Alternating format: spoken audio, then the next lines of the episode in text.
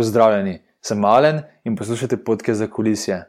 V njem skupaj pogledamo v zakulisje nekaterih najbolj znanih in zanimivih slovenskih podjetniških zgodb, z namenom, da se skupaj nekaj naučimo, kar lahko uporabimo na lastnih projektih. Za več informacij o projektu za kulisje pa si pogledajte spletno stran za kulisje.com. Rock Streeter se na začetku podcasta predstavi kar sam, zato bo tokratni vod uh, zelo kratek. Povedal bom le, da smo pogledali za kulisje podjetniških tem, kot so naprimer, um, ali se podjetništva da naučiti, kdaj se splača, če sploh vzeti investicijo in kaj paziti pri izbiri partnerjev oziroma co-founderjev pri podjetniških zgodbah. Um, v bistvu damo začeti kar s tem vprašanjem. Jaz vem, da se pred kratkim uh, si imel eno zanimivo karjerno spremembo in sicer tem tako vprašal, no, torej, kak, pred enim mesecem, če te ni kdo vprašal, kaj delaš, čim se ukvarjaš, kak si odgovoril, pa kako odgovoriš danes. Ja, pred enim mesecem je bilo easy, v resnici, ker sem rekel, da delam na ekonomski fakulteti. Uh, kar je tako, vse, kar moraš reči, in je zelo družbeno sprejeto in zaželjeno v resnici. Uh, mhm. Danes pa zadnjič je me en kolega srečal in imel zraven nekoga, ki me ni poznal in rekel: A veš, to je pa rok, on je pa včasih delal na ekonomski fakulteti. Tako da trenutno moj imič je, eh, da sem včasih delal na ekonomski fakulteti. okay, ampak ob tem si še nekaj druga delal, ne? Ja, ja ok, itak. Um, to je bil hiter odgovor. Jaz ja. sem pa delal zraven še dve pomembni stvari. In sicer ena stvar je bila, da sem um, imel svojo firmo, uh, ki se ukvarja z malo prodajo gorniške upreme. Uh, druga stvar, ki je bila, je pa, da sem bil dosta angažiran v razno raznih izobraževalnih in svetovalnih projektih um, po slovenskih firmah, pa tudi po nekih takih malo bolj nečist firmah, ampak temu nekemu javnemu sektorju, če hočeš. No, uh -huh, uh -huh. Bomo, bomo šla še v to detajle, ampak v bistvu. Um, Škaj me zanima najprej? Nikoli, v bistvu, čeprav se že tako dolgo poznamo, nikoli se nismo dotaknili, kje si se v bistvu ti začel s podjetništvom ukvarjati. Kaj mogoče neka taka zgodbica, veš, ko si bil otrok, pa si nekaj prodajal, pa te čisto navdušilo, ali, ali odkot to sploh prihaja? Ne, niti ne, niti ne. Jaz, jaz ko sem bil uh, majhen, sem želel biti kmet. Um, ne vem, okay. dobro, zakaj, to mi je bila pač nekakšna želja. Potem pa, ko mi je tisti kmet minil, sem imel pa kar eno tako fiksi, da, da jaz hočem imeti pa eno, kaj pa vem, srednje veliko firmo. Nekako sem Aha. si tako predstavljal, da je neka samostojna stavba, ki tam tako ene par ljudi dela in jaz zelo sem vizualiziral sebe, kako noter pridem, pa tam ene deset ljudi dela. Ne vem zakaj, to mi je bila non-stop neka taka, taka fiksacija. Drugače sem vedno zelo rad nekaj ustvarjal, ampak nič kaj tako bi rekel, da bi bil kaj zelo prodajno usmerjen ali pa karkoli neke razglednice sem prodajal uh, v osnovni šoli, ampak tako čez brez veze. Um, drugače pa, da se meni zares začelo dogajati, je bilo pa v drugem letniku faksa. Eh, ko smo imeli predmet podjetništvo dejansko. In se je takrat zgodila ena zelo zanimiva stvar, in sicer prvič v šolski, uh, šolskem procesu mi je nekdo rekel, naj se nekaj sam zmislim. Um, mm -hmm. Se sliši čuden, ampak je res, ker če greš gledati nazaj skozi cel izobraževalni proces, ugotoviš, da, da vedno gre samo za reprodukcijo, naš ti pa ni treba samo ustvarjati. In takrat, ko se je to zgodilo, se je meni dejansko pržgal en tak fire in my belly, ne, kaj pravijo za podjetnike. In takrat sem si želel ustvarjati v resnici. Aha. Malo, malo več mi povete na poslovnem načrtu, kaj je bil res tako zanimiv, mislim, kaj ste ga naredili zanimivega, um, kar se tiče samega ideje, ali, ali je bil predmet zanimiv. Ali, veš, ker načeloma pač pisanje teh poslovnih načrtov zna biti zelo, veš, vse veš sam, ne, tako pač teoretično. Ja. ja, ampak teoretično gor ali pa dol, v tistem, mislim, poslovni načrt takrat je bil zelo klasičen poslovni načrt. Takrat še niso prišle neke te lin, pa kakršne koli yeah. Ja. stvari, ampak je bil to en tak zelo formalističen dokument. No. Ampak kar, kar, je bilo, kar je bilo tisto, kar je bilo special, je bilo to, da ti nekdo dovolil, da si delal, kar hočeš. Mm -hmm. uh, lahko si se igral. Uh, in in to, to, to je v resnici bilo tisto, kar je meni čist, čist ampak meni se je odpeljalo. Res sem takrat prve sive lase dobil mi smo to naredili v nulo, perfekcionistično. Um, res je bilo tako, da veš, hotel v Ljubljani je to tako zanimivo ali ne. Kaj pa vem, ni bil to nek globalni startup, ne? mm -hmm. ker tudi takrat to še ni bilo tako, ta, ta movement sploh ni bil velik. Ampak dejansko, kar, kar, kar je tako motiviralo, je, bil ta, uh, je bilo to, da smo lahko delali nekaj svojega. No. Meni je bilo to res wow. Ja, ja. Jaz sem rabo samo to. No. to, to Zanimivo. Mislim, čisto kot background, samo za poslušalce, da v bistvu, uh, mi da se poznamo, ker sem jaz bil tvoj učenec, tudi čez čist, čist podobna zgodba, no? to je fascinantno. Tudi v drugem letniku, ko sem že skoraj obupal nad faksom, sem prišel na temo podjetništva, ki si ga takrat učil in, in mi je tudi bilo res čisto no, relevation, ne? končno nekaj bolj akcijskega, pa nekaj bolj zanimivega, pa smo lahko delali na svojih idejah in podobno. Ja. Verjamem, da je bilo tudi za dosti drugih študentov tako. Um, ampak si omenil eno drugo stvar, ko me zanima. In sicer, to si rekel, da si imel idejo, da bi pač v bistvu neko vizijo, da bi rad imel neko svoje srednje veliko podjetje, kar se mi zdi tako zelo atipična vizija za več podjetnika. Ne? Vsi sanjajo o nekih velikih globalnih zgodbah z investitorji. Mislim, kako da si ravno imel to idejo z desetimi ljudmi, srednje veliko podjetje. Moraš malo razumeti, to, to si treba malo časa nazaj postaviti.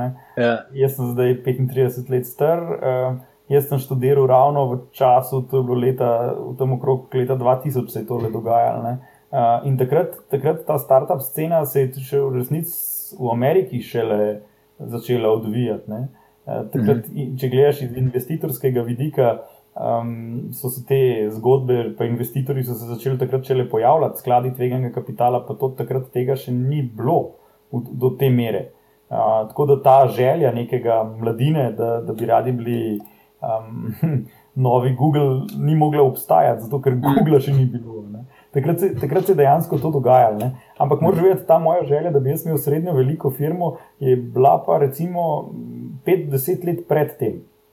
Pravi, to ni bilo v drugem letniku faksa. Jaz sem to, to, to vizijo sem imel nekje, kaj vem, konec osnovne šole. Eh, kar je bilo pa za tiste čase zelo. Um, um, v resnici ne navadno, uh, ker so bili še drugi časi, tudi politično in ekonomsko. Da, um, takrat, recimo, če bi današnje generacije primerjali s tistimi takrat, um, pač te želje po nekem investitorju, hitri rasti, uh, globalni dominaciji in tako naprej, ja. takrat ni bilo, no. so bili čist drugi ja. časi. Ja, ja, ja. Ne, se do tega, točno do tega še, še moramo priti, ker me zanima, glih tvoj pogled na to. Ampak predtem me zanima, bistvo, kako si sploh prišel do tega, da si bil torej študent na EFO, pa do tega, da si potem začel učiti, pa da si imel ne vem koliko predmetov, pa da si čisto rastural tam na EFO, totalno to podjetništvo. Ja, uh... Okay, prvič je zanimivo, kako je prišlo do tega, da sem jaz uh, sploh prišel na ekonomsko fakulteto. Uh, namreč jaz prihajam iz družine, kjer sta fotorje ali oče je, um, uh, je um, nervoslovc, mama, pa, mama je bila povzgojiteljica, pa je pa delala na, na zavodu za šolstvo. V resnici, karkoli s kapitalizmom povezanega, pri nas doma ni bilo glih visoko čislano ali pa sploh tako. Ne. Imam pa enega detka, ki ga sploh nisem poznal skoraj v življenju, ki pa, bil, ki pa zelo ekonomist bil all the way, ampak jaz sem ga dvakrat v življenju videl, tako da to nekaj mora biti nekega celičnega spomina ali nekaj tasga. Uh, in jaz sem bil zelo pridn v šoli, že v srednji šoli sem bil zlati maturant, imel sem skoraj vse točke, ki so jaz bil lahko kamorkoli um, bi hotel.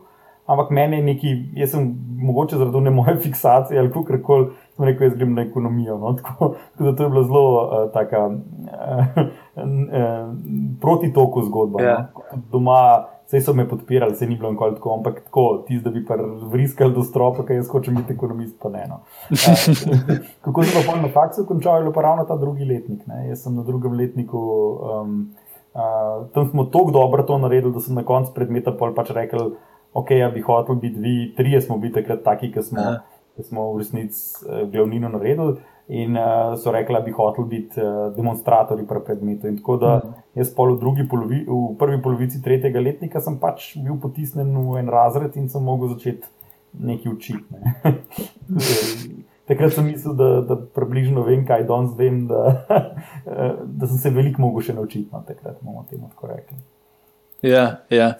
Koliko časa pa si potem bil na ekonomski fakulteti, vse skupaj? Po, Ja, od drugega letnika, mislim, da je okrog uh, 12 ali 2, tam 13-14 let, tako nekako mora biti. Od takrat, ko sem prvič stopil na faks, pa pol, sem 12 let sem pa prav delal tam. No, Mhm. um, relativno, mislim, kar dost, pa veliko sem učil. No. Jaz sem sodeloval, sem štev, ko sem nehal tam delati. Um, sem štev, pri kolikih izvedbah sem sodeloval, in je bilo vse skupaj 105 različnih izme, izvedbah predmetov na faksu. Ne. Kar je veliko. Ja, sliši se ogromno in, in se vem, Ja, da si ogromno teh predmetov imel. Ampak veš, kaj si zdaj predstavljam po teh 12 letih, ne, da ti mogoče imaš še najboljši odgovor na eno vprašanje, ki, ki si ga veliko ljudi zastavlja. Ne, in sicer, a se da podjetništvo sploh naučiti?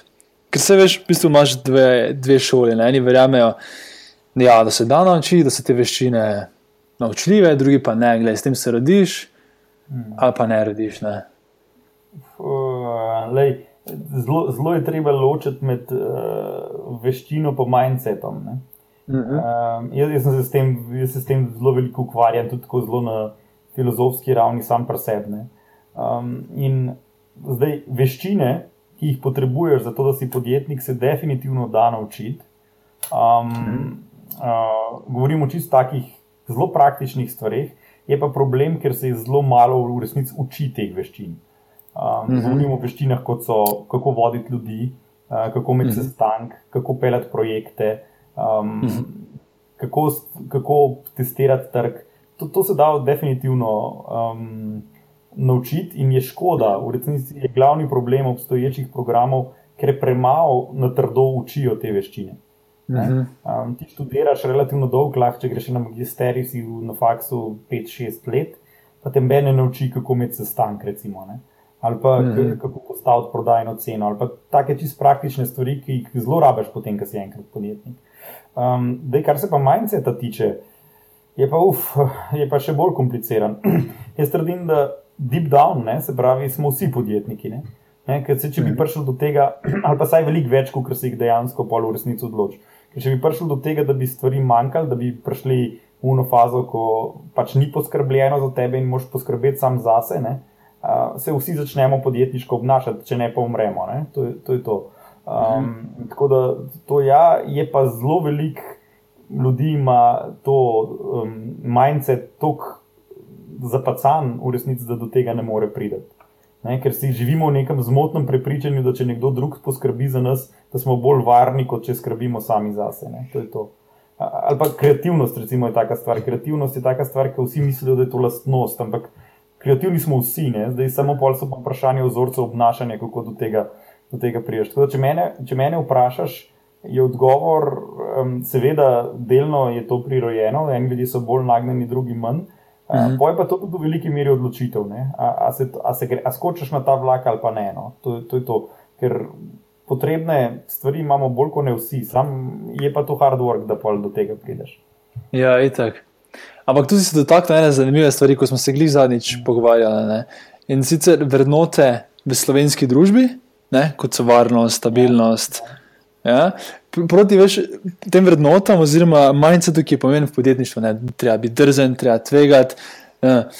In tako nasplošno, mislim, ti si dal skozi zdaj že verjetno ogromno Ja. teh študentov. Ne? In tako si pač videl, da verjetno večina, um, seveda pač ima to slovenski mindset. A pač so tisti, ki so dejansko malo bolj stopali, pa so um, dejansko potem neke podjetja naredili in tako naprej, so imeli tudi zapacan ta mindset, bolj eh, slovenski. Pa so se potem naučili drugačnega imeti, ali so že v osnovi imeli drugačnega. Veš, veš, kako je, ne? to je hec narečne.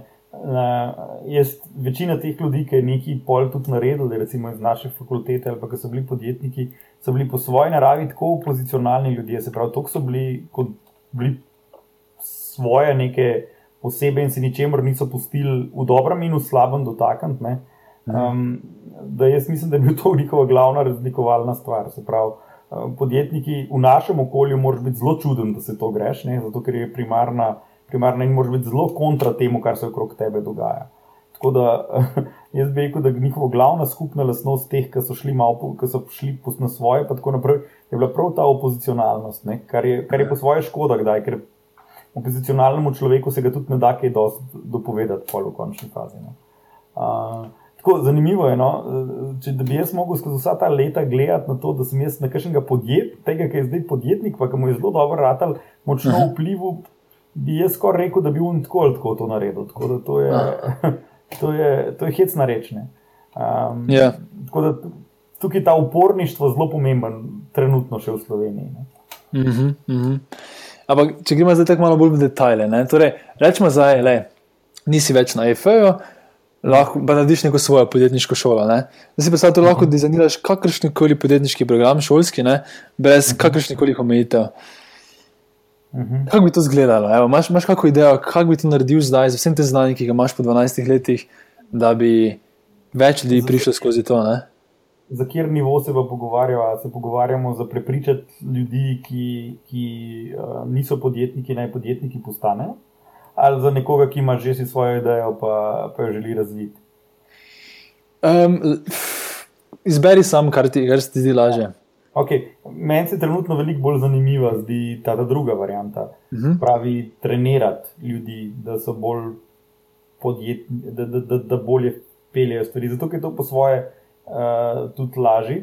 Jaz uh, ravno iz vidika tiste preprečevanja napak, ki se zgodijo, bi se mi zdel um, najbolje, da bi, bila, da bi bil program takšen, da bi se ljudje, ki imajo že neke svoje začetne ideje in tako naprej, upisali. Uh, potem bi bila pa ekipa trenerjev, uh, ki bi v resnici ti podpisal, ko priješ noter, da boš naredil to, kar oni rečejo v določeni fazi. Um, argumentirano, argumentirano, sicer mora biti argumentirano in utemeljeno, ampak potem, ko se zavežeš, dejansko stvar narediš. To mislim, da bi lahko zelo delač, zelo, zelo delač prišel. Vsekakor pa podjetništvo kot razvoj svoje firme uh, mora biti veliko bolj podobno treningu, kot ga poznamo v športu, kot pa nekemu klasičnemu učenju. Se pravi, jaz treniranje moram zelo veliko vaditi, moram se ukvarjati z osebnostjo človeka, moram se ukvarjati s specifičnim primerom, pa pač moraš ubogati svojega trenerja v resnici. To, to bi, po mojem, dal najboljši najboljši rezultat v resnici. Uh -huh. Da, ima en primer. Kaj bi en tipičen trening bil? Naprimer, nekdo prije z idejo. Ja, tipičen trening bi bil neki bluzi to ideje, pa je pet prodati. Recimo, ko imaš enkrat produkt. Torej, veš, to je ta klasična uh -huh. dilema, ki narediš neko stvar, pa misliš, da mora biti še boljša, pa še boljša, pa še boljša. Uh -huh. tako, tako, mislim, jaz pa kolegi, ki smo se s tem soočili, smo se neskončno krat soočili s tem da so ljudje imeli dejansko stvari pripravljene za na trg, pa so iskali izgovore, zakaj, uh, zakaj pravzaprav ne. ne. Uh, mislim, tako, čist jaz imam zdaj kot podjetnik, imam jaz trenerja, uh, najetega, oziroma več, tri trenerje, v resnici, ki te trenirajo različne stvari. In um, to je, lahko je to trening delanja strategije, lahko je trening delanja svojega urnika, to govorim zelo konkretne stvari, lahko je trening, kako sestank furati, lahko je trening, kako naloge delegirati, mhm. lahko je trening čiste neke psihološke stabilnosti, uh, pa trening v končni fazi tudi fizične pripravljenosti na stvari. No. To je, eh, jaz to vidim kot zelo, zelo tako trenersko stvar. Kaj, kaj so pa tiste stvari, ko so tem ljudem, sem na začetku izdelal, tako najbolj pomembno, da jih usvojijo? Kar se tiče veščin, majhne, veš, konkretno, veš, ono, kaj, kaj naj naredi. Zdaj ima idejo, naj proda tako, ali mora najprej ustanoviti firmo, naj najprej testira, ali gre najprej logotip delati. Mislim, najprej naj si pri sebi razpuca, zakaj to dela. to, je, uh -huh. to, to, to je osnovna stvar. Vem, da se zdaj to sliši malo tako zlajnen, ampak ni. Ne? To je večina ljudi, tudi ki se teh startupe grejo, pa tako naprej, ne vejo, kaj pravzaprav počnejo. In moja, moja glavna stvar bi bila, da naj se najprej enkrat usede sam s sabo, pa se vpraša, um, kam tole pele. Zato, ker ti moraš vedeti, da good work means more work. Ne? Se pravi, načeloma, če ti dobro delaš, boš imel vedno več, eh, stres te bo naprej pognal, in, in, in se boš, če ne boš imel zelo jasno razčiščeno, zakaj se greš in zakaj ne. Um, je to to. In jaz osebno sem pripravljen delati samo z ljudmi, ki, ki sledijo nekim tem najbolj bazičnim načelom in sicer, da firmo ustvarjajo za to, da bi izdelali produkte za svoje kupce in uh, pri tem ustvarjali dobiček. Uh, mhm. Ne zato, da bodo dobili investitorski denar, ne zato, da bodo nastopali v podcastih, če hočeš, ne zato, da bodo nastopali pred ljudmi, ne zato, da bodo dobivali nagrade, ampak zato, da bodo delali produkt, ki rešuje problem in ustvarjali dobiček. Če bi to spucali pri večini ljudi, uh, bi bilo veliko, veliko lažje za marsikoga. Uh, je pa to zelo tako. tako da prva stvar, ki bi jaz vsakmu rekel, je, da najprej si tole razčisti. Uh, druga stvar je pa, kar mi vedno delamo in je tako, je pa, da uh, jim rečemo, za koga ti to delaš, za sebe ne. Pej ven, pa ugotovi, kdo so tvoje ciljne stranke, razumi stranke, ugotovi, kaj so njihove potrebe in potem razvij produkt, ki naslavlja te potrebe. Ne pa nekaj, kar ti misliš, da bi bilo mm. fino, ali pa karkoli ta zdaj, no, kaj ti je nekdo rekel. Uh, ja, ja. Najprej pri sebi, pa pa pri stranki. No, Veš, kaj me še zanima, zdaj, ko že imaš toliko dejansko izkušenj, mi se sploh nismo še dotaknili tvoje glavnega podjetja, se še prijemamo tega. Ampak ja. me zanima, verjetno kot podjetnik imaš ogromno idej, ne več kot imaš časa. In mhm. verjetno skozi ta čas si tudi naredil, mogoče samo neki mentalni proces, skozi katerega ocenjuješ ideje. Veš, kot neka checklista. Uh, mogoče nisi niti v zavesti, ampak po zavesti, veš, kaj je sploh dobra ideja ne, za tebe in kaj pač ni. Mhm. Um, ja, ok. Moš vedeti, tako, da bolj ko postaješ strokovnjak za neko osko področje, kot je v mojem primeru, recimo, malo prodaja, bolj ti začne ta film dišati. Uh, mhm. Tako da meni, men jaz načeloma najbolj se odzivam, oziroma meni so najbolj všeč ideje, ki so namenjene široki potrošnji, se pravi, ker je veliko število malih strank. To, to je ena stvar. Moj drugi background je pa, da sem informatik, v svoji osnovi jaz vse delam skozi z informacijsko logiko, tako da so mi vedno zanimive tudi pametne informacijske rešitve. Kaj, kaj, mora pa, kaj mora pa vsebovati ideja, da je, je pa, da, um, da razume ta, to neko bazično potrebo ljudi. No?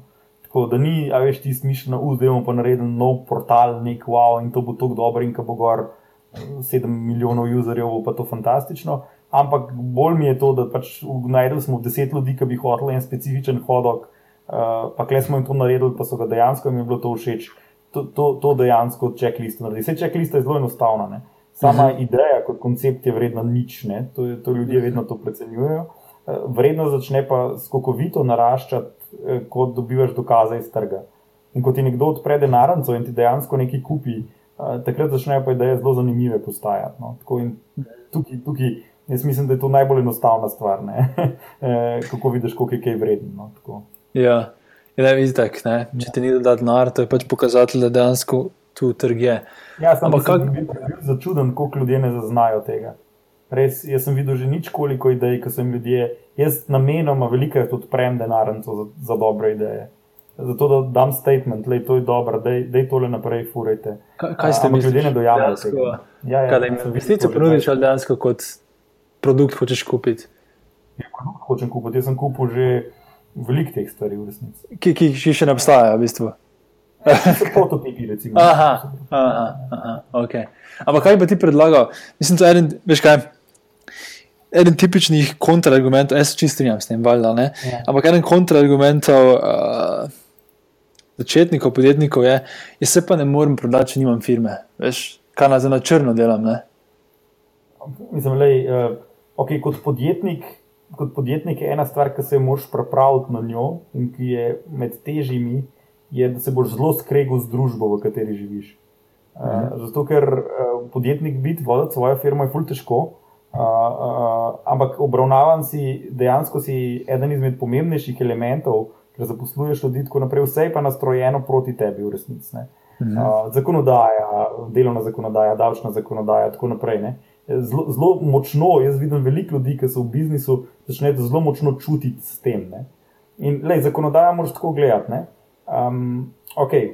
uh, eno je, da pač obstaja, uh, da se ji prilagoditi na takšne in drugačne načine, pa včasih je tudi kle, treba biti pač malo fleksibilen, v resnici. Zdaj, če okay. se znaš najti v tem kontekstu, da pač računi staviš preko nekoga drugega, ali yeah. pa ja. če nisi pač tako nagnjen k temu, da boš pač v tistih prvih pet računov zato da sprobaš stvari, ne zato da boš utajeval davke, ne, um, pač spregledal, ne, uh -huh. uh, potem pač verjetno ne boš nikoli podjetnik. To, to uh -huh. tako je. Zato, ker ne mogoče je vedno biti v skladu z zakonom, sploh v regulativi, kakršna je naša. Se uh -huh. trudiš, ampak če ti to izgovor, potem ne biti podjetnik. To je zelo enostavno. uh -huh. Cool, cool. Škaj, gremo še um, malo naprej, oziroma nazaj, okay. kakorkoli, na, na Kibubo. Ja. Ne, mogoče še na kratko sploh predstaviš, kaj Kibuba je. Pa, da si ja. začeli sploh s tem? Okay. Ja, Kibuba je eno v resnici iz aviona, dosta klasično podjetje, ukvarja se z prodaj, malo prodajo gorniške trgovine. Uh, začeli smo prek spleta, danes imamo pa sedem malo prodajnih enot, šest v Sloveniji, pa eno v, na Hrvaškem. Um, smo nekako drugi player v Sloveniji, kar se malo prodaje gorniške opreme tiče. Um, in v bistvu v, te, v tem kontekstu noč kaj tako grozen, um, ne, inovativnega ali pa venštrlečega. No? Tako, so mogoče v podvozju kakšni elementi, ki so malo drugačni, ampak pustimo to za kasneje. Začeli smo pa leta 2005, oziroma 2000, ja, 2005, in to je bilo isto leto, ko jaz, so me zaposlili redno na fakulteti Aha. kot asistent področju podjetništva. Um, in jaz sem eh, rekel, da ne morem. Ja. Ja, jaz moram biti uh, učiti podjetništva, če nimam izkušenj. Tako da to je bilo čisto. Aha, aha. Ampak ja, kako ti je uspelo, veš, oboje delati? Ne? Ja, lej, dan, je, dan je dolg. No. Mislim, yeah. Ja. faks ima to, to bonus, da ti omogoča skoncentrirano delati. No. Tako, da ne bo kdo si predstavljal. Biti asistent je v workload, je kar hud. Uh, uh -huh. Ampak uh, lahko, lahko, lahko, če se.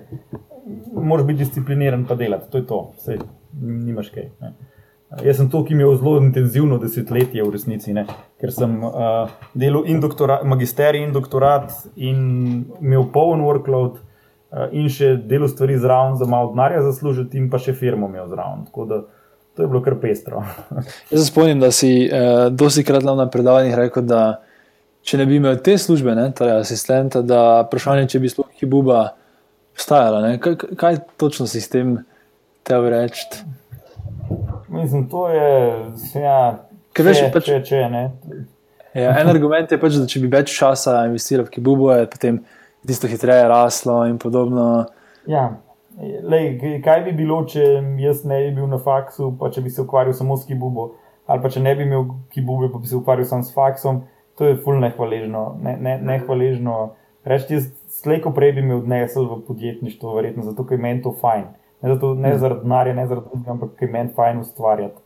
Uh, če ne bi imel službe na faksu, bi stvari delo drugače, a v pozitivno ali negativno smer je pa le, je nehvaležno govoriti, tako da raj ne bom. Ja, okay, okay. Zdaj, kaj se bo v naslednjih petih letih zgodilo. ja, točno to. Te pa se da malo vrniti, mislim, bolj na začetek. Odkot, odkot si sploh dobil, mislim, kot si že sam rekel, malo ne klasična ideja. Je, ne? Ja. Več pohodništvo. Torej, kako si sploh prišel do te ideje? Okay, lej, ideje. Ja. Um, jaz, sem, ko sem bil absolvent, eh, sem delal na enem drugem projektu, ki je bil mogoče bolj startupovski, če hočeš. Namreč, jaz sem sodeloval z eh, Centrom za eksperimentalno mehaniko na fakulteti za strojništvo, kjer smo razvijali novo generacijo plezalnih vrvi. To je bila moja ideja in sicer je šlo za to, da sem jaz takrat sem bil v alpinistični šoli in sem ugotovil, da je v bistvu plezalna vrv en tehnološko zelo kompliciran produkt. Eh, ki pa je, kjer, kjer ga pa končne lastnosti so pogojene z lastnostmi materijala, ki ga uporabljaš. Ne. Se pravi, najlon, ki je takrat obstajal, je omogočil tako dobre plezalne vrvi, pa nič boljš. Uh, jaz sem pa slučajno tam padel v tisti center, kjer je profesor Emri dejansko skupaj z enim velikim koncernom evropskim patentiral način, kako ta najlon izboljšati tudi do stokrat. Uh, in jaz sem takrat rekel, wow, le kaj pa če bi iz tega delali vrvi, in oni so bili za to, in sem jaz v bistvu eno leto delal na tistem projektu. Um, ok, zakaj je potem, potem je ta projekt propadel? Um, iz človeških razlogov. Uh, jaz sem bil tudi mlad, ampak tudi tam pač ni bilo vse tako, kot bi mogli biti. Ampak noč hudega, pač. In jaz sem pa ostal brez vsega, se pravi, en let sem delal na tistem, pa, sem rekel, Madonna, kam pa zdaj. Uh, in takrat so mi ponudili službo na faksu, v resnici, ker sem pač dvaje vodil, pa tako naprej. Uh, ampak na po drugi strani so pa enkrat s enim kolegom šla v hribe in so se pogovarjali in so rekli: Ti, kaj pa če bi mi imeli spletno trgovino z gorniško upremo, tega pa pri nas še ni. In to je bilo to. Mhm. to je bila vsa velika ideja. um, uh, ki je bila, če jo ocenjujem kot idejo, je bila v resnici precej brezvezena. No, uh, se tudi, tudi rezultat ne, firme, kakršna je danes, mi nismo neka megalomanska firma, smo v redu, jaz sem zadovoljen s tem, kar smo dosegli, tako, ampak da bi se pa zdaj neki pretiran hvalil, da smo mi neka. Wow, kje je zgodba o uspehu, in tako naprej. Je danes veliko bolj več zanimivih zgodb, okrog se dogaja, ampak za svojo panogo smo v redu. Ja, ne, definitivno. Ampak veš, kaj me vedno zanima pri teh zgodbicah um, o začetkih? Je, torej, imela ste to idejo, ne? bila ste na nekem sprehodu, karkoli ste se pogovarjali o tem, kaj je bil potem naslednji korak. Veš, veš, veš kaj je bilo v resnici zanimivo? Ne? Zanimivo je bilo, da sem to idejo imel, ko sem rekel, wow, to bi bilo pa fajn. Ne? In zdaj moj partner takrat. Uh, ta poslovni partner, ja. je, je, on je zagrabil. To je bilo zelo zanimiva stvar, ker je bil ja prvi, ki je rekel, uja, da ima to narediti. Če on ne bi tega takrat rekel, ne, ja. verjetno ne bi ničesar naredil v tem kontekstu. Tako da tukaj je bil ta follower v tem kontekstu zelo pomemben. Pravi, on, je, ja. on je bil tisti, ki je legitimiziral mojo, mojo, mojo, mojo idejo. Uh, na kar jaz sem šel pol potvati, takrat sem šla v Peru s punco. Uh, in sva se zmenila, da ta čas, ko bom mi dal v Peruju, bo on postavil spletno trgovino. Uh -huh. uh, Ko sem prišel nazaj, v bistvu bilo zelo malo narejeno. Ampak nekaj smo povedali, nek, nek open source program smo dal gor.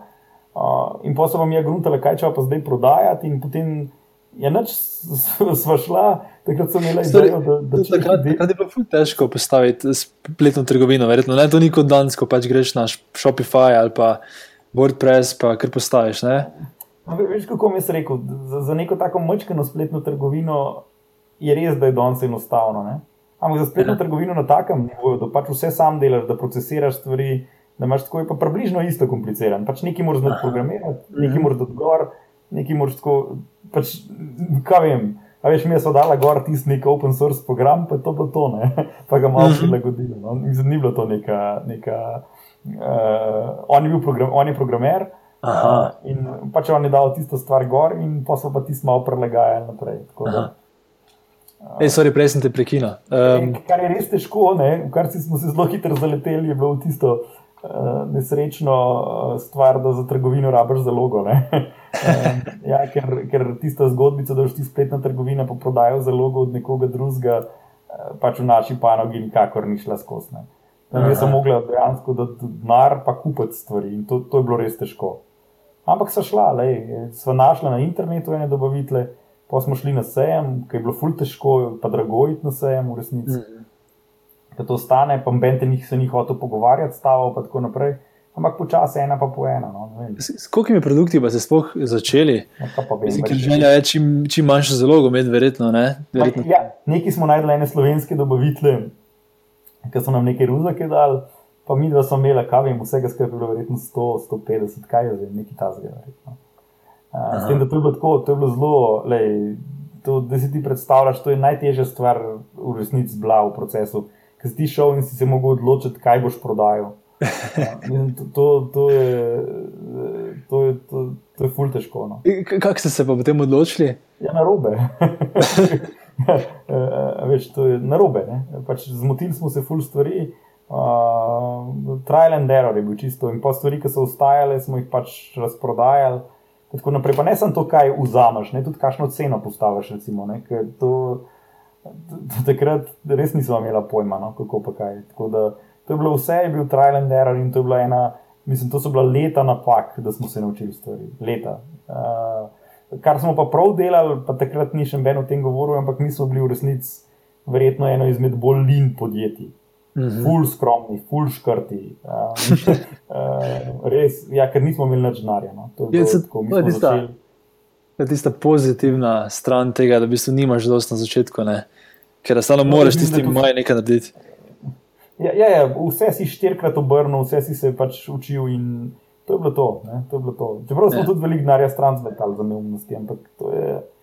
A veš, pa to so tiste zgodbe, mi se še živo spomnim, ko smo kupili prvi oglas oglasni prostor v poletu.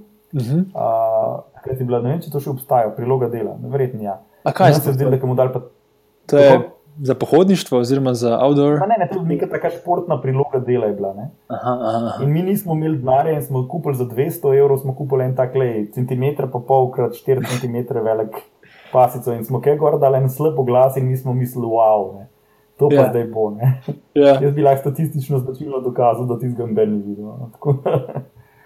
To je tako, se učiš. No. učiš se, ja, itak, itak. Kje pa je bila veš tista prva prelomna točka, ko, ko ste mogoče ugotovili, da to bi pa mogoče res lahko nekaj bilo? iskreno, iskreno. Ja, iskreno. Uh, le, mi, mi, mi dva z žena so oba ful konzervativna, okay, glede uh mhm. -huh. tega. Tako da iskreno, da, da smo začeli razmišljati, da iz tega pa res lahko nekaj rata, je bilo verjetno ne dve leti nazaj. Wow. Prej smo se ufuravali tako malo, ampak iskreno. Čakaj, dve leti nazaj je bila kako stara firma? Ja, devet let. okay, okay, to moraš zdaj razumeti. Zakaj je ja. devet let bilo tako in zdaj ja. let je kul? Cool.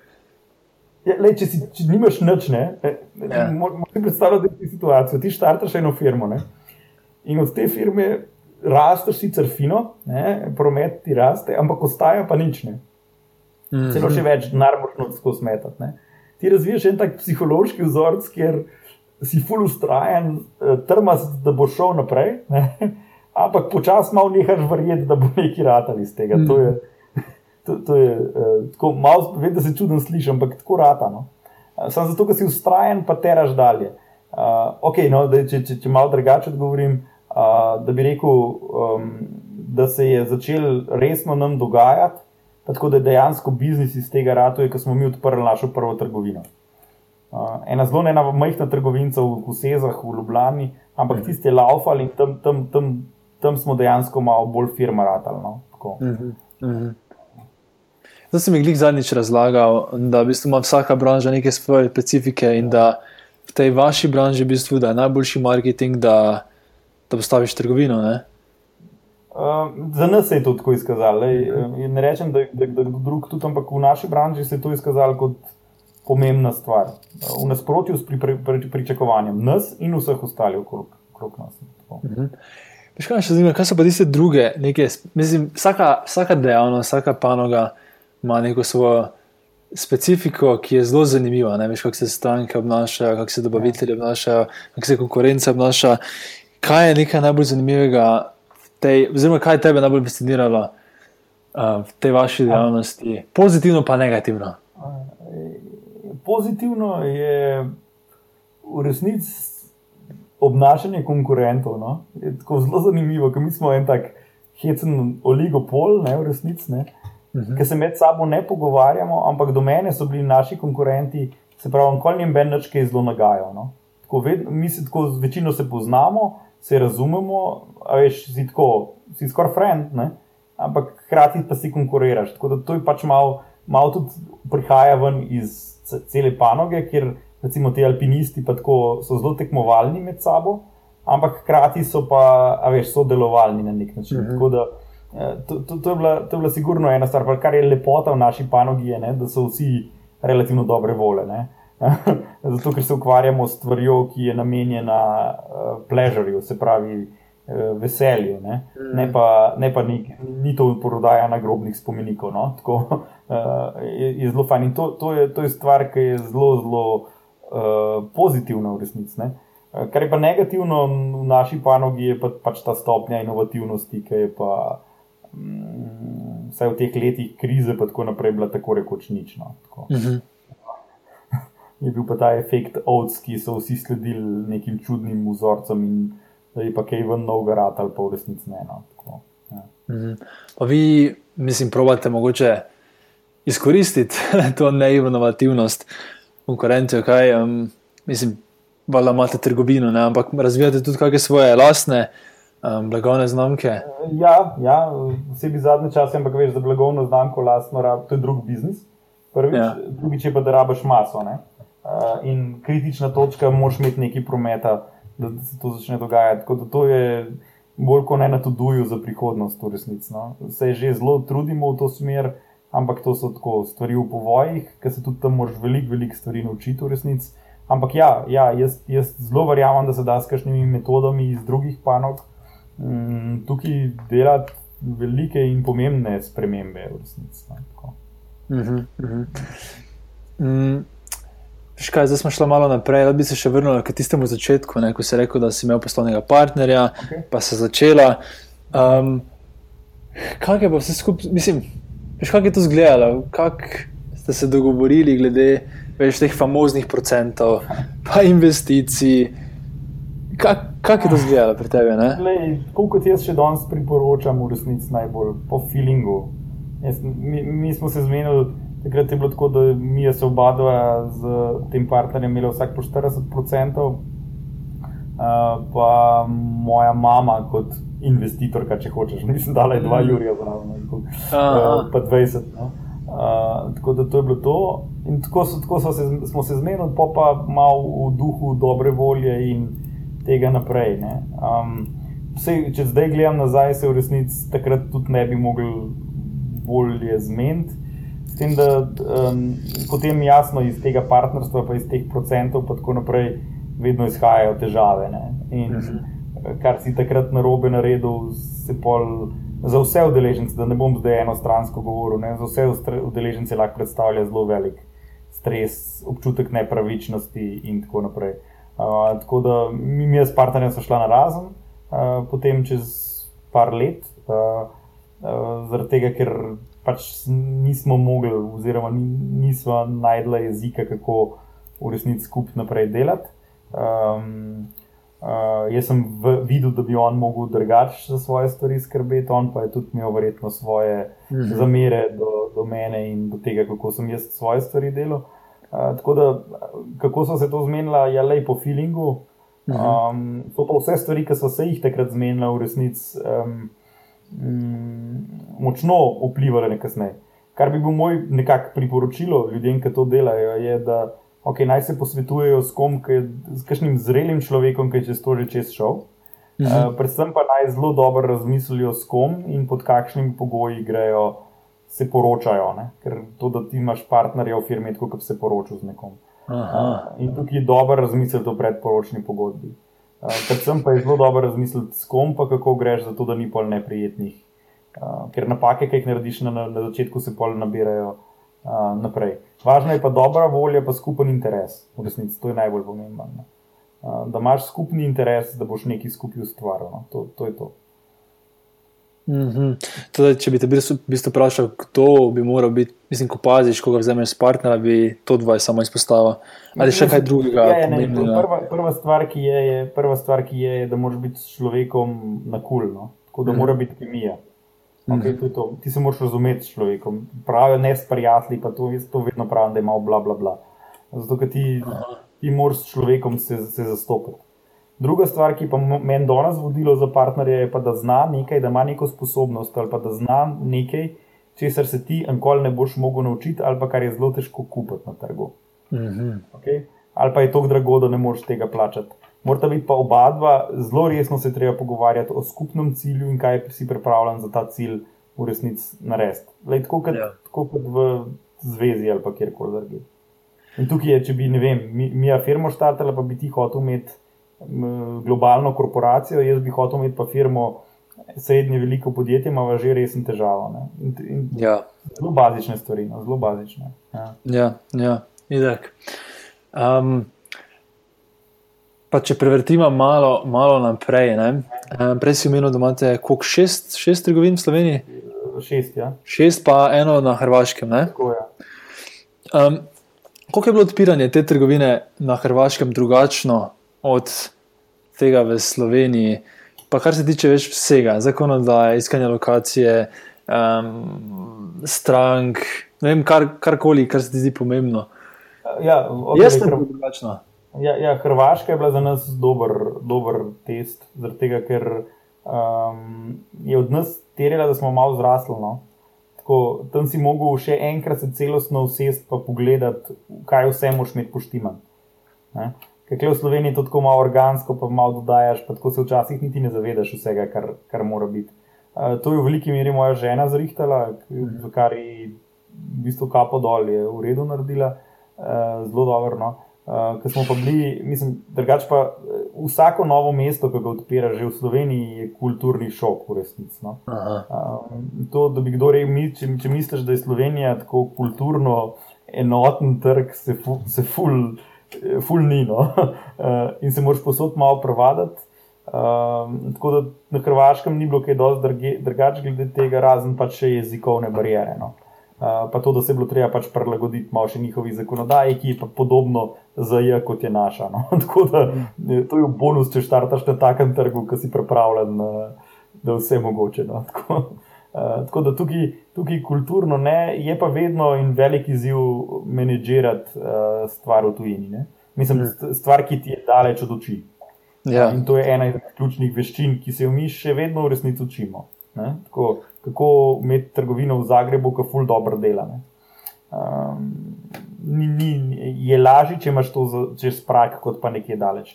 To pomeni, da moraš imeti sistem postavljen, da moraš imeti procese postavljene, da moraš imeti kontrolo postavljeno, da moraš v bistvu management zelo dobro delati. No. Imate menedžerja? Kako?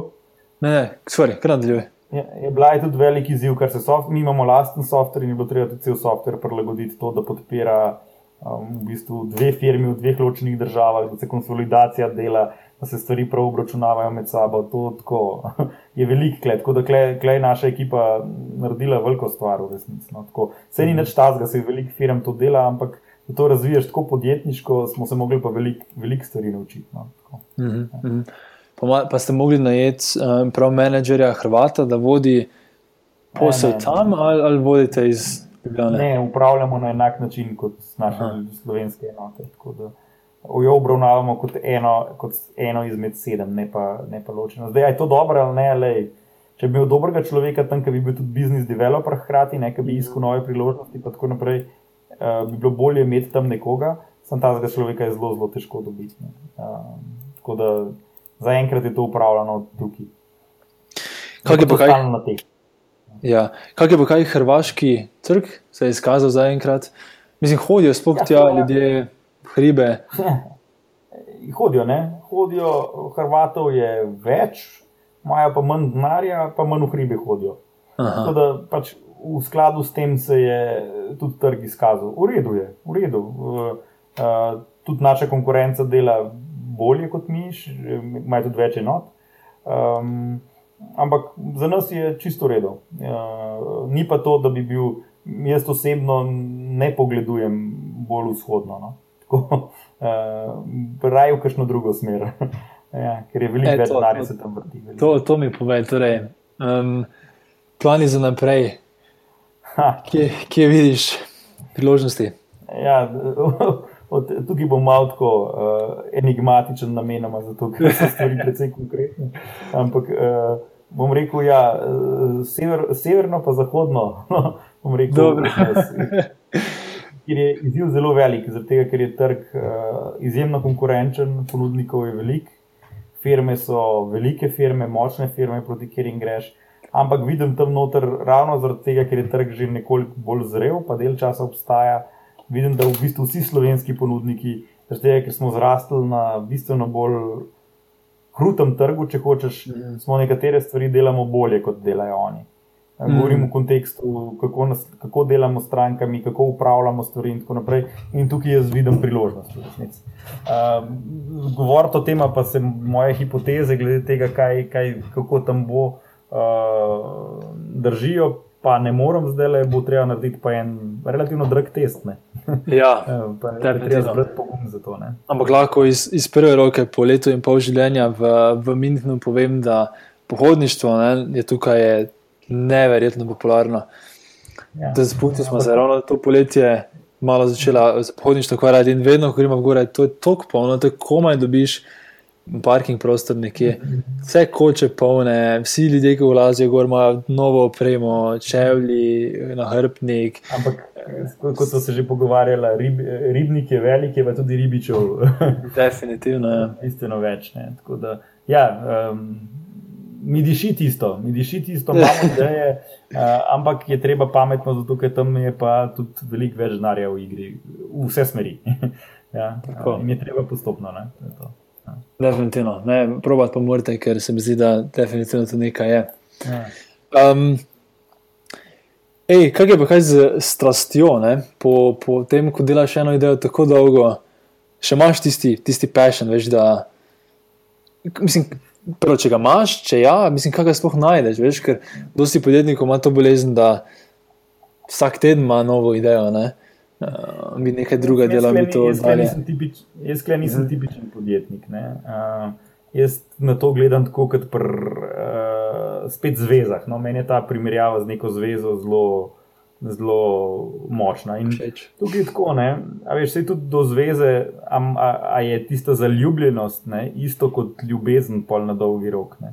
Uh mhm. -huh. To me nam ben prepričal, ne, da, veš, da imaš ti zveze, kjer ti še po 15 letih metulčki letajo po trebuhu, pa, uh, pa, ne, pa, pa, pa si čist strast in ne vem kaj. Pač, lej, tako je, moraš si najti nove strasti, moraš vzpostaviti neko, ampak meni je ta stvar, ki nastane po nekem dolgoročnejšem odnosu, bila vedno boljša kot pa tisto, tiste neke iracionalne, če hočeš. Kratke. Ja, vse tiste je sladko, ampak pride tudi z svojimi minusi. Tako da isto kle v firmi, isto. Um, meni je tisto, jaz osebno zdaj le mi startup, tista začetna faza, noč kaj dosti ne diši. Zato, ker, mm. ker, ker mi je veliko bolj zanimivi, so mi res biznisi, ki jih greš tako zelo z glavo noter in ki jih moraš naštudirati. Meni osebno je to tako. In jaz, jaz sem vedno, jaz sem zelo ustrajen človek, jaz če se nečesa primem, pol tudi dolg držim. Uh, in to mi je zelo naravno, da, da, da, da, da delam na svoji firmi naprej. Je pa izzivov novih in drugačnih. To, da res ni problem najti vedno nekaj novega. No? Tako, ja, jih lahko znajdeš znotraj te ideje. Ne? Ja, pa se kot hudič, hudič je pač tako, da kot podjetnik jih ne samo, da jih najdeš, ampak jih bolj kot ne vse čas ustvarjaš. Se, se dosti ja. sprašujem, pa kaj nam je tega treba. Pa, In pol vedno odgovorijo, da se sem se jaz to zmislil. Škaj, menil si startupe in podjetništvo, da ima se zdaj dotakniti tega dinozaura. Sicer oba dva smo bila zelo aktivna, mislim, ti še več kot jaz, v slovenskem podpornem uh, sistemu in smo videli, so te mindset mladih podjetnikov. In, in, in imam feeling, da se utira, oziroma da pač neka poglavitni mindset med vsemi mladimi podjetniki je, da je edini način, da ustvariš neko podjetje, da dobiš investicijo, ne? da najdeš investicijo, uh, oziroma investitorja, in že to je samo po sebi uspeh. Ne? E, in je bilo to to. Um, tiste druge poti, te klasične, ne? ko v bistvu greš preko.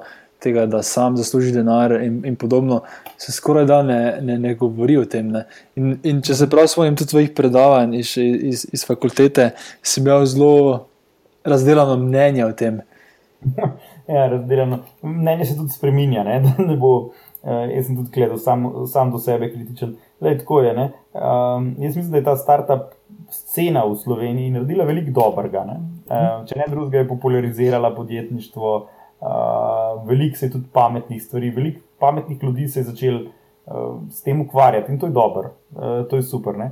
Moja zamera, oziroma stvar, ki jo jaz ne kupim, je to, če greva čisto hipotetično gledati, ne, to, da, da si ti podjetnik, je v bistvu en izjemno naporen in intenziven učni proces. Ne, če začneš kot mlad človek s podjetništvom, se moraš cel kup enih stvari naučiti, trg je krut, firma je kruta, soočiti se moraš z milijon demoni. Uh, naštudirati samega sebe, naštudirati firmo, naštudirati ljudi okrog sebe, in tako naprej. In jaz tako zelo težko verjamem, da se da to tako ful hitro preskočiti te, to učenje. Uh, in zdaj tukaj glavni postavka tega, da pa ti dobiš nekega investitorja, ki ti vrže veliko keša noter, je pa, da se bo zadeva hitreje odvila. Vse se lahko do neke mere, samo za kakšno ceno. Uh, jaz mislim, da mora biti človek tudi na to pripravljen. In, in uh, tukaj, je meni glavna, glavna, glavna, glavna težava. Zdaj v Sloveniji ima pa to še eno težavo kjer družbeno mi sprejemamo denar, ki si ga ti dobi od neke inštitucije, države in umazanega kapitalista, naprej, kot bolj sprejemljiv, kot da ustvariš dobiček oziroma da nekomu nekaj prodaš na trgu. In tukaj mm -hmm. se je najdel fantastičen izgovor za ljudi, ki nočejo iti ven prodajati. Uh, se je najdela krasna alternativa v obliki tega, da, da pač uh, najdeš od nekoga drugega denar in potem si zmagal. Tako da jaz, jaz, jaz bi vsem ki se želijo naučiti, rekel, da je pet postopoma, pa potem, če boš hotel, boš šel hitro naprej. Uh, sam moraš preskakovati se, pa po mojem, ne da. No. To je tako, kot bi ti hotel smog voziti, uh, uh, pa še štampati ne bi znal. No. Vse bi mi kdo rekel, ja, kaj pa Zuckerberg, pa, pa, pa vsi te velike zgodbe. Ampak jaz bi rekel, da je počasi, ker tam zgodbo resnici. Kdo je tam tudi sodeloval v zadnji, pa kako, kdo je furul, recimo, biznis, eh, tako da je lahko tako, da ne poznamo to. No. Tako da. Mm -hmm. uh, Eh, se mi zdi ta, ta neka fascinacija nad, nad nekimi milijoni, ki jih dobiš, čist preveč prepotencirana v resnici, ker, ker nima neke osnove. Meni so, yeah. Ja. so mi všeč zgodbe v Sloveniji, ki zdaj nastajajo, ki so tako na majhno začele, pa so pa v bistvu najdel svojo formulo, so dal pospešek in zdaj bojo resne firme iz tega ratele, verjamem, ampak to niso bile klasične start-up firme. Imáš kak primer v mislih? Ja, ne vem, par jih je bilo, ampak zdaj se kar velikih lahko, ampak recimo že te, ki delajo te waterbloke, eh, te oklajenje mm -hmm. teh procesorjev. Uh, pipi strel, če hočeš, da je tako meni mhm. lušna zgodba. Ne? Če dejansko jim bo ratal to, kar so naj prodali Kitajcem uh, za 350 milijonov avionov in tako naprej. Čakaj, kaj je to? Stali z jedratom. So prodali že, oziroma podpisali so pogodbo za 350 milijonov evrov. Ampak kaj točno to pomeni? Veš, kaj so zdaj prodali za 350 milijonov naročila? Ali... Če, če jaz prav razumem, ne poznam zgodbe. Ampak če prav razumem, ja, ne? če prav razumem, to pomeni, da, da so oni se zavezali na tak ali drugačen način, da bojo tok pa tok avionov v naslednjih sedmih letih prodali. Vse to je zdaj. Ne? Ampak, ja. Veš, to je zgodba, ker če gledaš njihovo rast, je v, v resnici dost generična. Najprej bila zelo organska, potem pa pač začne ne pospešvati. In tako, če se ljudje ne vejo, da iz enega milijona na dva pridete to je čist druga zgodba kot iz nič na en milijon. Ne? In jaz trdim, da je preberljivo težko iz 0 na 1, iz 1 na 2, pa iz 2 na 10. To je tako. In meni so te zgodbe mi zelo všeč, ker imajo neko trdno osnovo od spodaj. Veš, kar hitro gor pride, tudi hitro dol pade. No? To, to me ne bo prepričal, da je drugačno. Prej si omenjal ceno investicije, pa predvidevam, da si pod to imel v mislih, kaj vse s tem, ko vzameš investicijo, kaj to prinese uh, sabo. Lahko malo več ja. o tem poveš. Jaz sem zelo grob. Če, če ti daš nekomu en milijon, ne? Ne? Mhm. kaj pričakuješ od tega? To mu ni zdal, zato, da bo on porabil, ne? ampak pričakuješ, da bo on iz tega dva naredil. Um, zdaj, pol nisi več ti v tem, da si lahko odločiš, da ti je všeč, da boš to delal ali ne, ampak imaš tako rekoč pištolo na glavi. Ne? Upam, da ne preveč bo dobesedno, ampak Eh, lahko, mislim, biznis je kruta stvar. No? Se ne namigujem, da te je kdo ustrelil, ampak ljudje niso zelo milostni v tem kontekstu. In jaz veliko ljudi poznam, ki se je tudi uničilo v procesu. No? Tako, tako da to je, eh, to je to. Drugo je pa, da moraš tudi vedeti, kaj daješ stran od sebe. Včasih je bolj biti 100% lasnik. Firme, ki dela en milijon, kot pa ne vem, pol procenta nečesa, kar je bistveno večje. Mhm. Uh, to se mi zdi, da zelo dobro kako krvijo. Kaj kar ti pove do konca? Ne, se kar pove. Eh, Pravim, tu se mi zdi, da ima dosti ljudi uh, glih napačno predstavo, ne, da grejo v podjetništvo glih za to, ker biti, hočejo biti samostojni, hočejo biti eh, nekaj svojega razviti, um, nekaj svoje vizije uresničiti. Z tem pa, ko prvo investicijo vzameš, oziroma mogoče dve, postaneš, nisi več večinski lasnik in nimaš več v svojih rokah uh, zadeve. Ne? In se večina ljudi sploh ne predstavlja, kako malo ti v bistvu stane firme, če greš v neko globalno zgodbo, kako malo procentov ti dejansko stane na koncu. A, a veš, pri globalnih zgodbah je treba še eno stvar reči. Ne? Verjetnost, da ti bo tam uspelo, je nič. v resnici. Vse je boljš kot loterija, ampak komaj da. Torej, veš, ja, se, se vedno lahko, to je kot pri lotu, ki ti lahko rečeš, da je te moj paratal. Ja, mu je, ne? ampak kolikim pa, pa, pa ni, tako da je treba zelo po pameti. Zelo, zelo po pameti. In uh, ja, to, kar praviš, zgubiš kontrolo, slediš nekomu drugemu. In eh, ravno tisto, kar je najlepše v podjetništvu, lahko velikrat daš stran. Mm -hmm. Ker nisi več sam svoj šef, nekdo drug ti diktira. Boh ne da, pa id pa v drugo varianto, kjer pa ti investicijo dobiš z namenom, da jo boš porabil, da boš šunga v krog prenesel. Tudi to se dogaja. Pač veliko firm je teh, ki dobijo investicijo, pa pa lepo zaposli veliko ljudi, pa po možnosti še kaj skanalizira. Ampak to za mene ni, ni podjetništvo, to je me, za mene neko tako socialistično prijavljanje na razpise. Ej, kako ti komentiraš? Um, da sem dosti krat slišal, da je Slovenija idealen testni trg. Veš, predn greš neko globalno zgodbo, testiraš v Sloveniji. A mi lahko daš še en primer, ko se je to izkazalo, kot da je to resnično? Um, mi lahko daš ti, mogoče. ne, v resnici ne. Zato, kaj pa vem, ne vem, ne vem, meni je Slovenija res idealna, zato bi prej rekel, da ne, kot pa ja. No. Zato, ker vse ti imaš lahko tudi testen trg, samo en del Münchna, recimo. Veš, mhm. tudi danes, res tudi na internetu vse lahko lokaliziraš, vse lahko, s tem, da je pol scaling, če, če ti uspe na enem delu Münchna, veliko lažji, kot pa če ti uspe v Sloveniji. Slovenija ima svoje, lej. Um, ne vem, ne vem jaz, jaz ne bi rekel neki vrisko, da je pa to res tako fin. Tudi da bi več lahko posplošil, da če pa Slovenci to kupijo, bo pa tudi cel svet to kupil. Mm -hmm. uh, je svet zunaj precej drugačen. No. Meni se zdi to tako fin izgovor za kako je naša država, ne vem, neki special ali neki tako. Sam ne vem, jaz bi vsem tem rekel, naj se malo odpele po severni Italiji ali pa do Nemčije, gor ali pa tako naprej. Pa ne vem, no, ne vem, kaj bi ti rekel, ker živiš v Nemčiji toliko časa. Sam, jaz sem skeptičen do tega. No, to to. Ja, mislim, da je kakršne koli zaključke na podlagi enega trga težko prenesti na drugi trg. Ne. Mislim, tukaj za jaz delam, delamo vedno projekte v večjih državah in se pogovarjamo z strankami v eni državi, pa v drugi, pa v tretji. In, in razlike so neverjetne. Že, že naprimer, samo v tem, kako ljudje kupijo en produkt, oziroma kako razmišljajo o tem istem produktu v različnih državah. Ne. Ja, jaz trdim, da evropskega trga ni. Evropski trg je en zelo kompliciran konglomerat zelo različnih uh, uh, kulturnih navad. In to se že, že znotraj Slovenije je to boleče prisotno. Uh, kaj še le, če greš malo čez? No? Ne vem. Ja. Ja, ja. Ampak da malo obrnem to vprašanje, pa, pa da zdaj bi se vprašal. Kdaj pa je pametno vzeti investicijo? Ne? Kdaj je to dobra odločitev, kdaj pa ne? Um, Bomo spet tako rekli, kdaj, kdaj je dober, ne probati več punc, ne? pa skočiti, se poročiti s prvo. Uh, kadar se ti zdi, ne? kadar ti ta, ki je, ki je, ki je v igri, uh, tako ok, oziroma da ti to kdo prinese vse stvari, da je feeling ta prav. No?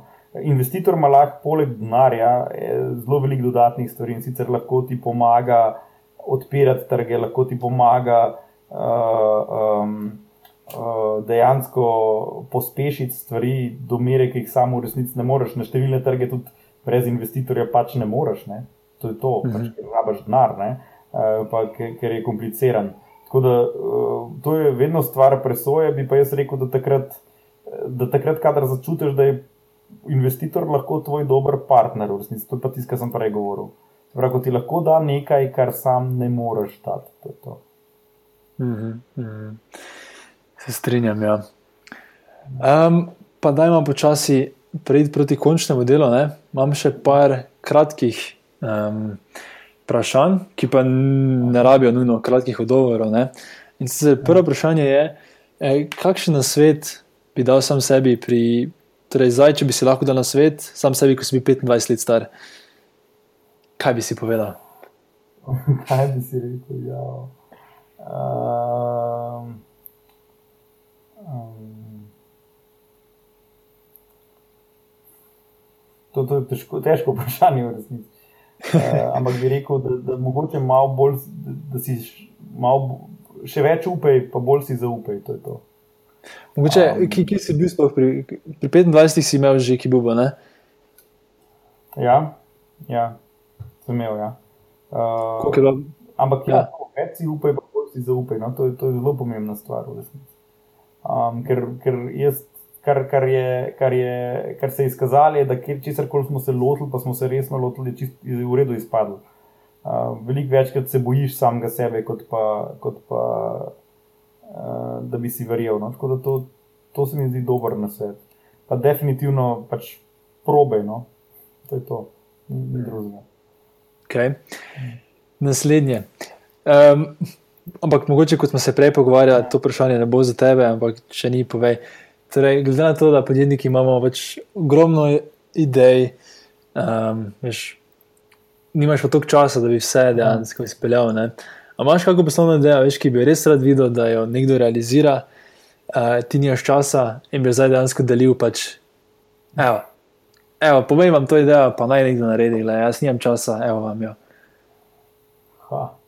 Še, to je zanimivo, ker jaz s tem, ko postajam starejši, se res greš globoko v svojo panogo. No?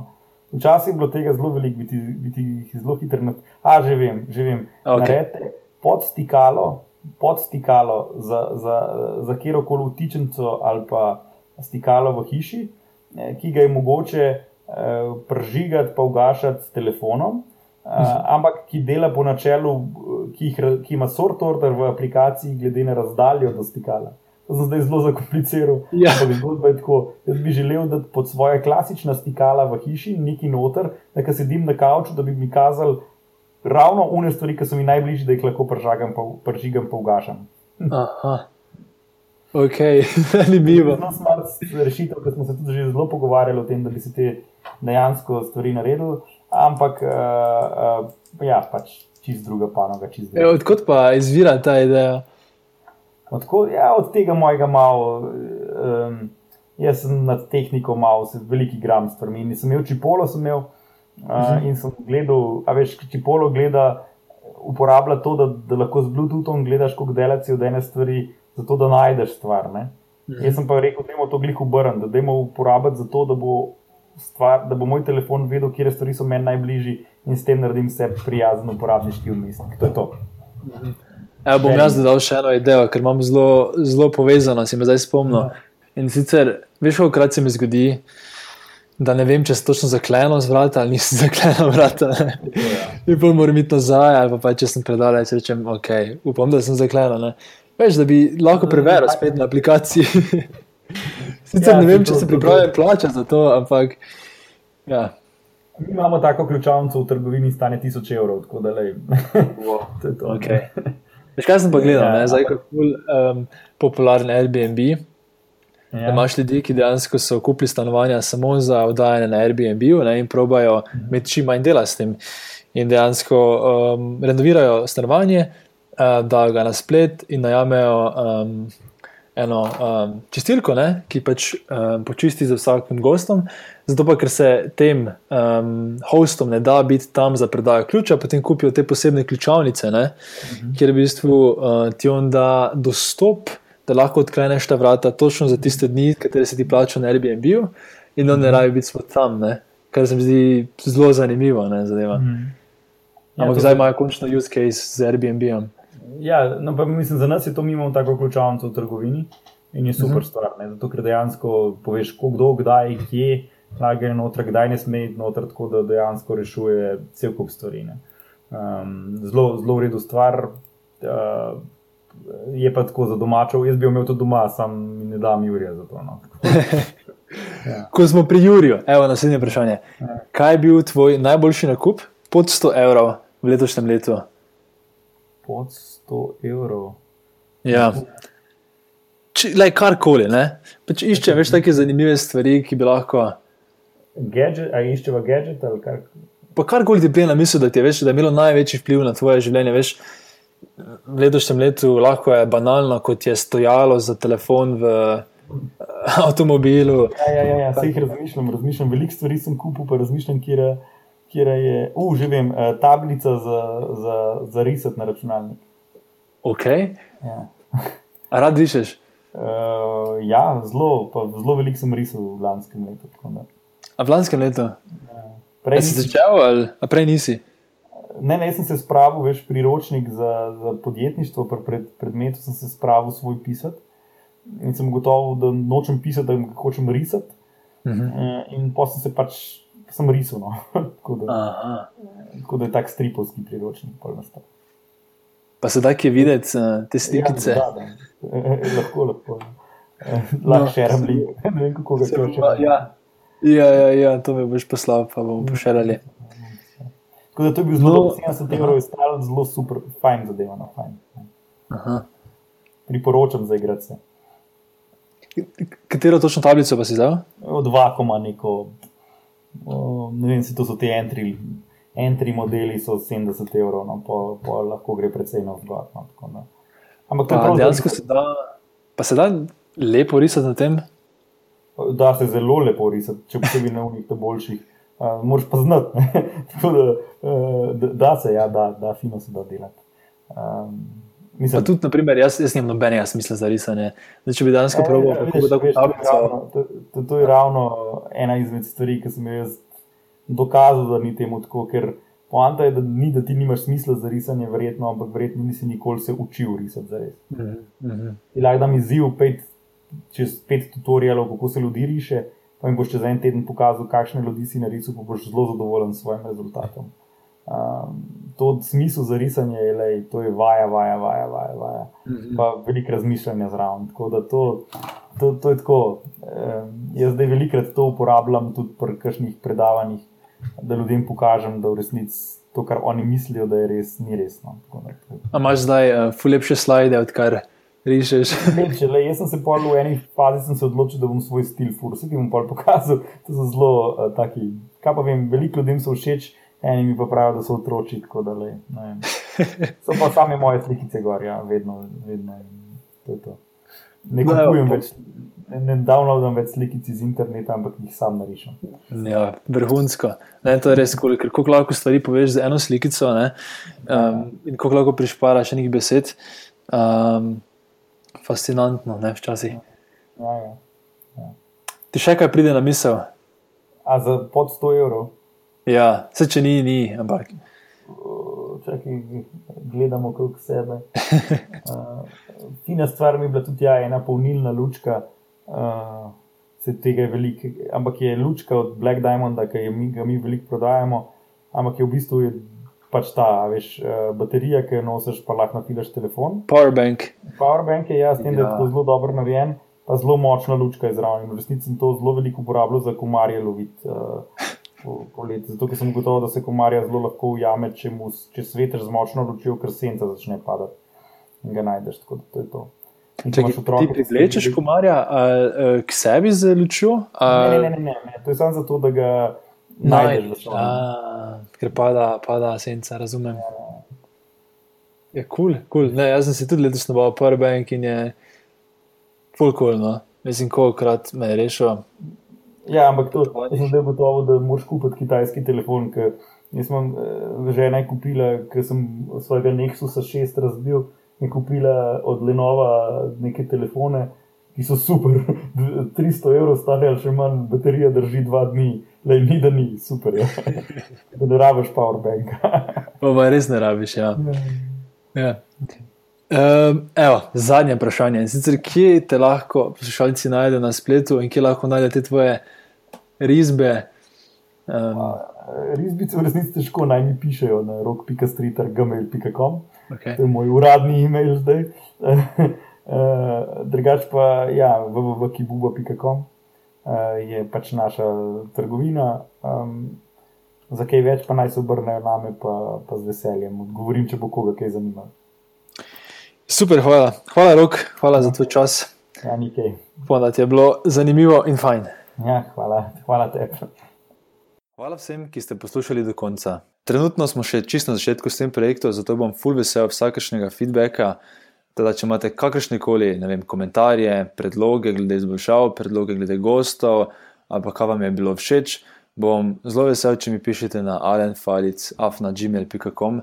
Če vam je ta epizoda podcasta oziroma ideja podcasta na splošno všeč, vas prosim, da pustite vaš komentar in oceno, ker v iTunesu ker to potem ful pomaga, da še drugi, ko iščejo, lažje najdejo, ker nas potem iTunes lepše oziroma boljše rangira.